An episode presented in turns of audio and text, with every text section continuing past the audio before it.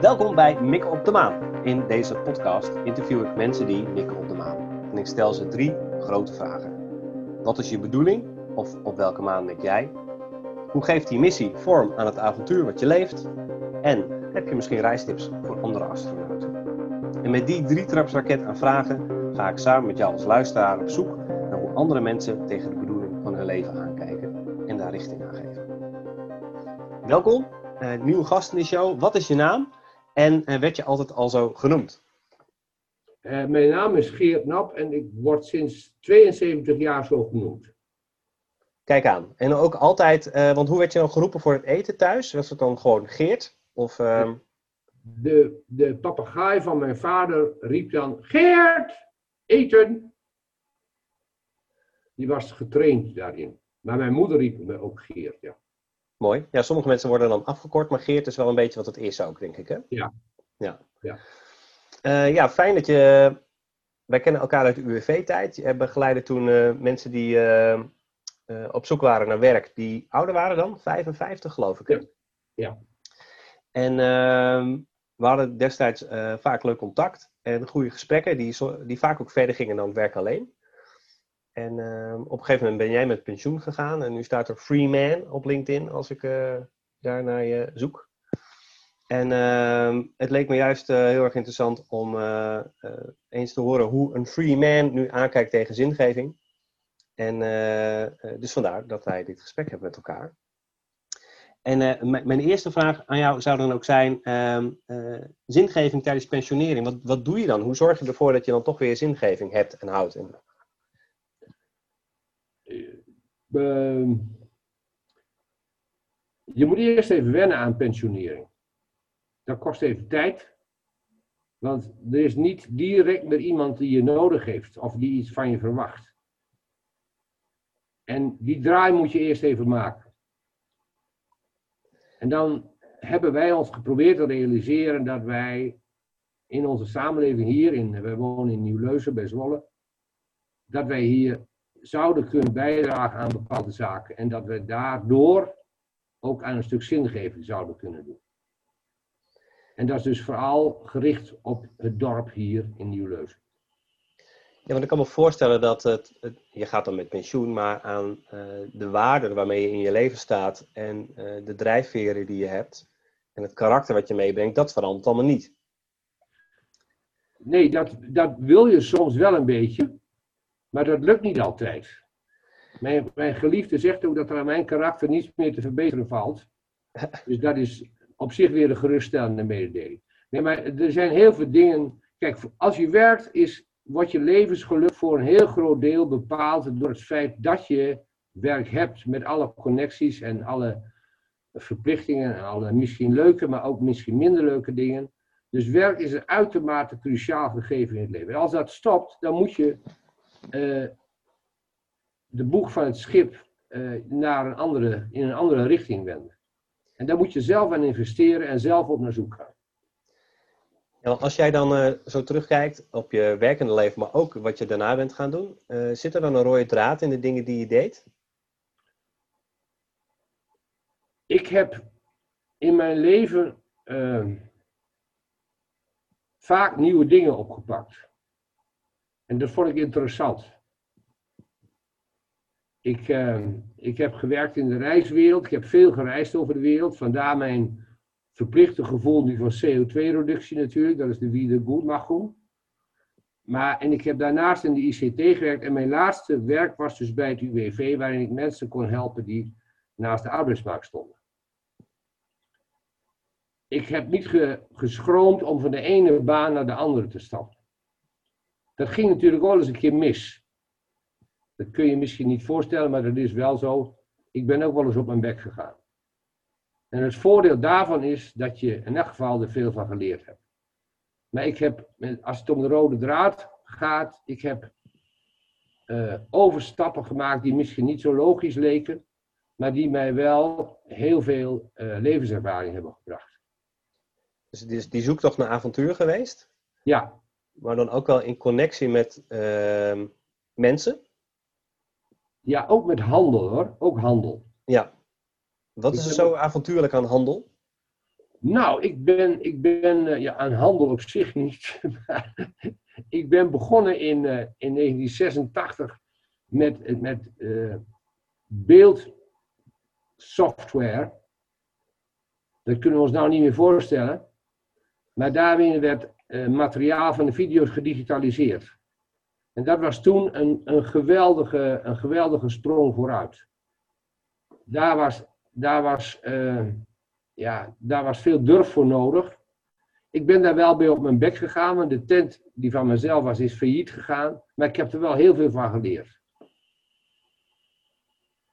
Dat vond ik interessant. Mijn gezin heeft daar wel eens minder voordeel van gehad, laten we het zo maar zeggen. Ja, maar die gingen altijd met jou op avontuur. Of ze dat nou wilden of, of, niet. Of de consequenties van het avontuur kregen ze voor hun, uh, voor hun kiezen. Ja. Maar mijn oudste zoon zei laatst nog tegen mijn pap, in dat jaar waarin de tent failliet ging en wij geel en bruin moesten kopen onder, uit de onderste plank van de supermarkt, dat jaar heeft mij onvoorstelbaar veel geleerd. Nou, dat is zeer waardevol. Ja. Nou, de, hoorde ik laatst iemand zeggen dat de meest waardevolle in het leven die zijn gratis. Eh, dat merk je dan in zo'n jaar, denk ik ook. Ja, het, het, het, heeft ons veel geld gekost, maar het, het bepaalt je wel bij je positie in deze wereld. Ja. En je leert er heel veel van. Dus dat, dat avonturieren en, en uh, wanneer is dan die omslag gekomen dat je dacht, en nu, want eh, wat, het avontuur wat je als laatste gedaan hebt, uh, is het investeren in die, in die lokale omgeving, maar ook wat je bij UWV deed, het, het investeren in ehm, in andere mensen. Ja. Ehm, is dat, voelt het dan als een omslag die je gemaakt hebt tijdens je carrière? Of is dat juist uh, gewoon uh, een, het volgende avontuur wat je bent aangegaan? Uh, het voelde niet zozeer als een omslag, als wel een volgende avontuurlijke stap. En, en na onze pensionering zijn we bezig gegaan met, met energie-neutraliteit. En dat was een terrein waar we ook helemaal niets van wisten. Mm en, en dat avontuur zijn we toch aangegaan. En dat vond ik interessant ook. Maar het, het, het, is wel iets van, nou, iets doen wat niet direct voor de hand ligt. Dat vonden wij, vind ik interessant. Ja, daar heb je lol in. Ja.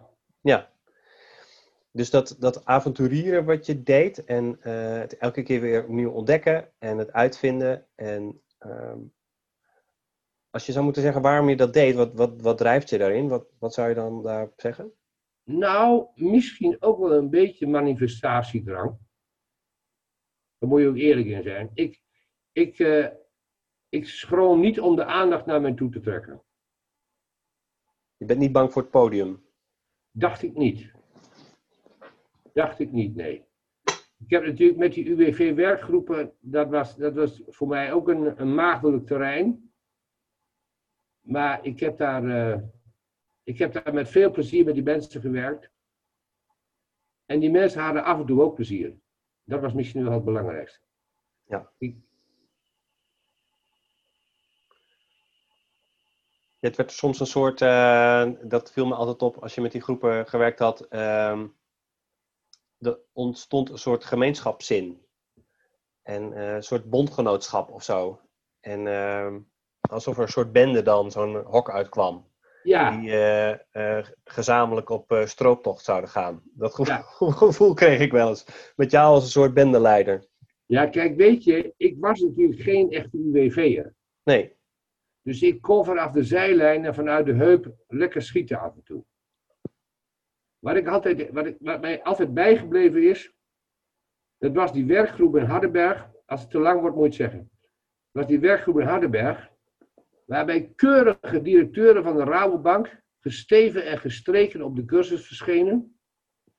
En één man kwam binnen met vet haar, vlekken in zijn broek, vlekken in zijn trui, met een grote mate van sceptisch op zijn gezicht, want hij was gedwongen door UWV'er om deel te nemen aan die cursus. Aan het begin van die eerste sessie zei ik altijd, jongens, na de eerste les weet je wel of je wilt blijven, ja of nee. En ik hoor graag of je wilt blijven of dat je zegt van ik heb genoeg gehad. Ik stelde die vraag naar de eerste les en de meneer met de vlekken in de broek en, de, en het uh, vet in het haar. Die zei, nou, ik weet niet of ik weer kom. Ik zei, nee, dat dacht ik al, jongen. Dat verbaast mij niet dat jij dat zegt. Ik zie nog wel of ik weer kom. Ik denk het niet. Ik zei, nee, prima. Goed, uiteindelijk kwam hij wel steeds terug. En na de vijfde sessie moest, moest een bepaalde oefening gedaan worden. Waarbij mensen voor die groep moesten gaan staan. Om aan die groep te vertellen waar ze goed in waren. En deze man, zijn broek werd schoner, zijn haren werden gewassen, meer gewassen in de tijd. Deze man ging na die vijfde les staan voor die groep en die zei: Weet je wat het is, jongens? Ik sta hier nou wel, uh, maar dat ik hier nog sta, komt van jullie. En niet van Geert Nat met al zijn gelul. maar jullie hebben mij niet laten zakken. En dat vond ik klasse, dat die vent dat zei. Toen dacht ik, nou is de training een succes. Ja. Daar hoef je er niks meer aan toe te voegen. Toch?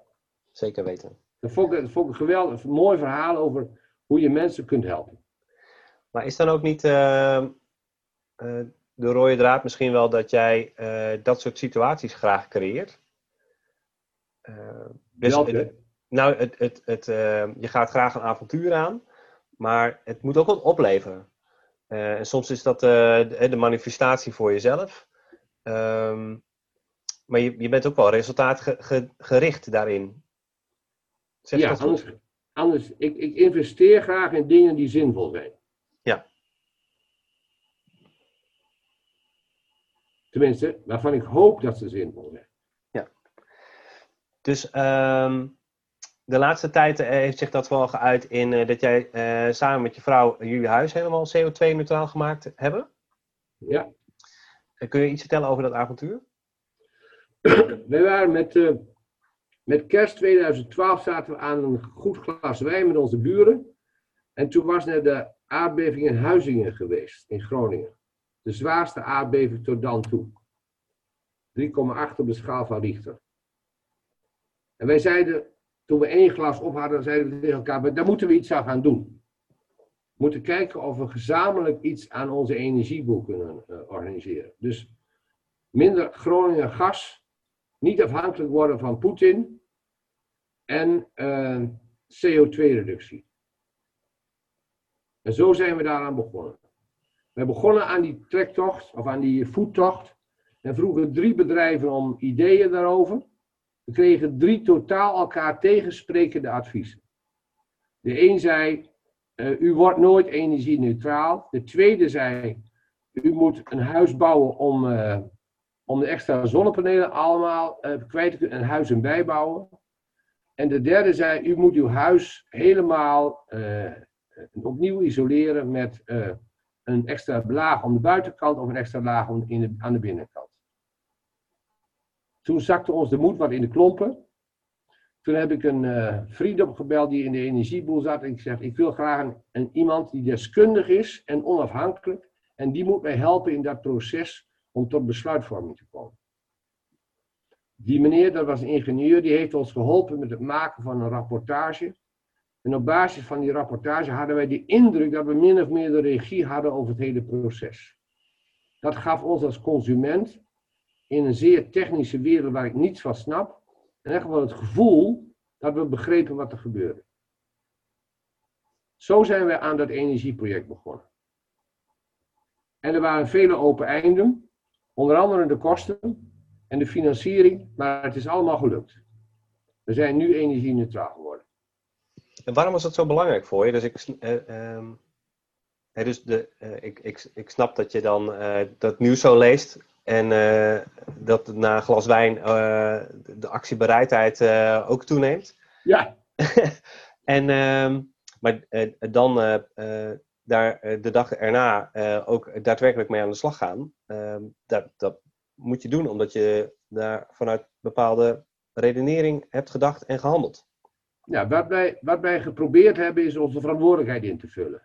Wij zijn nu grootouders wij hebben zelf uitbundig geconsumeerd in ons leven. Onze welvaartstoename is spectaculair geweest. En wij hadden geen schuldgevoel, maar wel een, een, een eh, ja, laat ik zo zeggen, een bewustzijn waarbij we zeggen, hoe kunnen wij bijdragen aan eh, minder CO2 en minder verontreiniging. Dat was eigenlijk onze insteek. En daar, zit, daar kun je heel vroom over doen, maar dat was eigenlijk ons eerste doel. Hoe kunnen we onze energieconsumptie beperken en daar, daardoor een bijdrage leveren aan het milieu? En vanuit de rentmeesterschap gedachte? Of, of, ja, wij, hebben, wij proberen om vanuit ons christelijk geloof dat in te vullen. Maar ook, niet, ook als niet-christen kun je dat natuurlijk wel zo voelen. Ja, nou ja, we wonen allemaal op dezelfde aarde. Dus of je dat Daarom. vanuit welk geloof je dat ook doet. Als je het maar doet. Ehm, mooi. Ehm, waar ik dan nieuwsgierig eh, naar ben, is. ehm, want ik heb nu wel een redelijk beeld bij wat je dan. ehm, wat, die, wat die rode draad is en wat, je, wat zin geeft voor jou. Ja. Maar waar kom je dan vandaan? Waar, waar, eh, waar is dat ooit allemaal begonnen? We hadden, we hadden het al heel kort even over die papegaai. Ja. Maar schets die context eens. Oh, kijk, ik ben, ik ben eh, van 1948. Ik ben de jongste uit een gezin van zeven. Eh, in ons gezin was het van belang dat je, werd er veel nadruk gelegd op het feit dat jij, als, eh, dat jij je talenten inzette. Ehm, ik had zes, zes voorbeelden voor mij hoe het moest. En mijn ouders gingen er automatisch vanuit dat we allemaal dezelfde fantastische carrière zouden volgen ongeveer. Hè?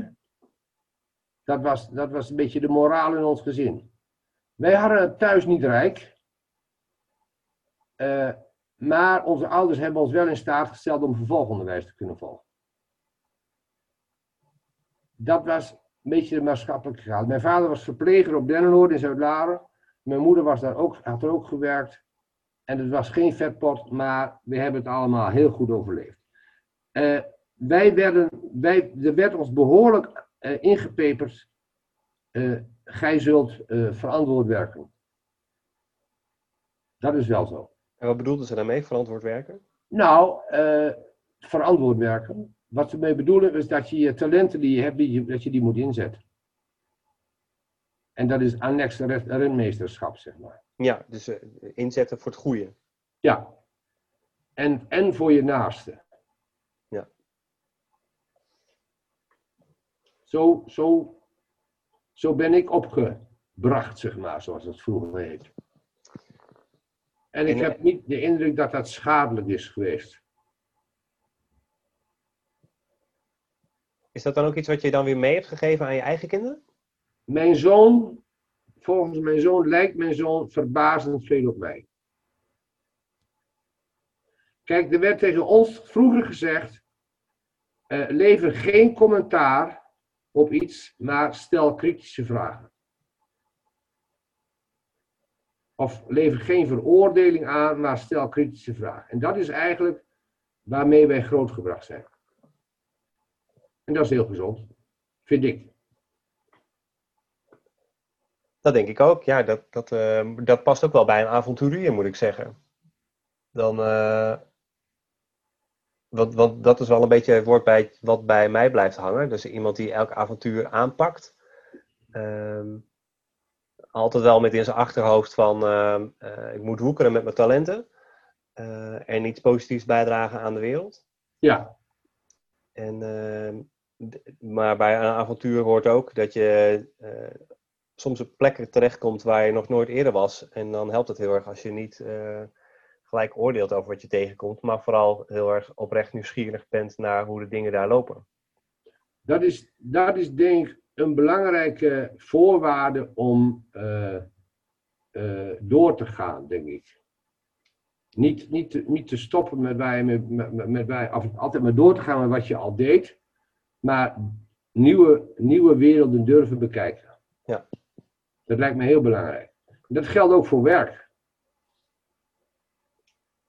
Ja, want dan ben je nu 72, je hebt een, eh, goeie- een mooie carrière gehad met, eh, met een Met- hoop met- ups en downs. En, Wacht even, ja, op met, op mijn bek gegaan, hè? ja, Eh, Niet vergeten. nee, nee, zeker niet.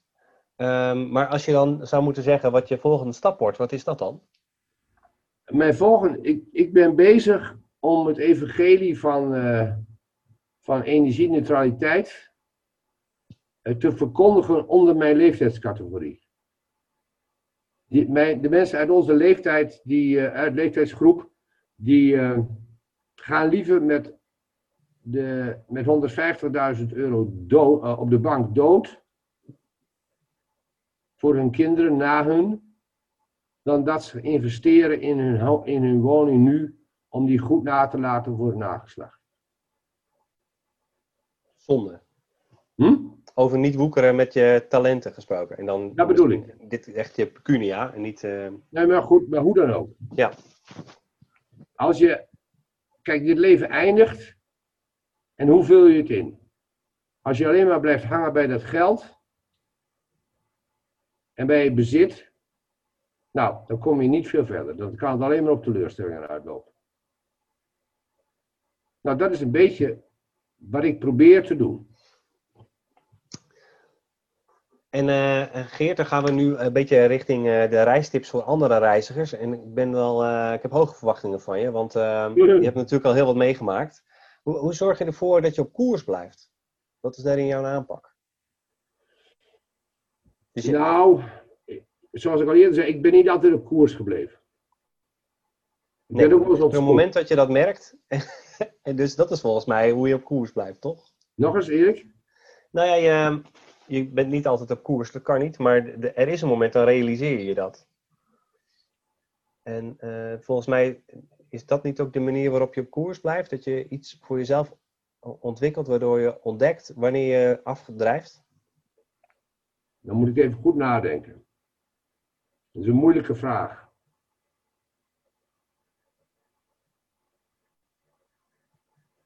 Uitgangspunt voor, voor hoe je in het leven staat of wat je doet, is volgens mij wie ben jij voor de naaste? En wat kun je betekenen voor de naaste? En dat kan wel eens ten koste van jezelf gaan, maar daar gaat het wel om in dit leven. Als we alleen maar voor onszelf leven, dan is het gauw klaar. En dan hoeft niemand ons meer. En dat is voor mij uh, in algemene zin van belang. Uit koers raken, uh, door levenservaring en doordat je een keer, uh, ik ben behoorlijk op mijn bek gegaan, heb je geleerd om de signalen tijdig op te vangen als iets niet de goede kant op gaat. Maar daarvoor heb ik wel op mijn bek moeten gaan om het te leren. Ja. Ben je één keer op je bek gegaan of echt heel vaak? Ik ben één keer structureel keihard op mijn bek gegaan. Tent failliet. En geen geld meer in huis. En wat was dan de les die je daarvan hebt geleerd? Wat, wat, want... Dat je, wat ik zelf niet gedaan had, dat je zeer kritische vragen moet blijven stellen en niet achter een waanidee of een optimistische uh, gedachte aanvliegen. Ik dacht, ik verover de wereld. En dat was dus helemaal niet zo. Ik werd door de economische realiteit keihard teruggeworpen. En dat doet best pijn dan, denk ik. Dat was wel teleurstellend, ja. Maar ik heb er ook heel veel van geleerd. Ik ben achteraf dankbaar dat het gebeurd is. Want ik werkte 70, 80 uur in de week. Ik vloog over de hele wereld. En uiteindelijk als het doorgegaan was, had ik gewoon moeten blijven werken en was er van mijn gezin en van mijn huwelijk niks overgebleven. Je hebt dan zelf in zo'n wak gezeten, en maar ik denk dat je in die UWV-tijd ook veel mensen bent tegengekomen die in zo'n wak geschaatst waren. Ja. Um, wat is volgens jou dan de manier om daar weer uit te geraken? Kijk, als je in de sloot zit, is er maar één kant en dat is naar boven. Je kunt vol zelfbeklag en teleurstelling jezelf omwentelen in een uh, bad van, uh, van ellende. Die neiging is er altijd. Bij iedereen.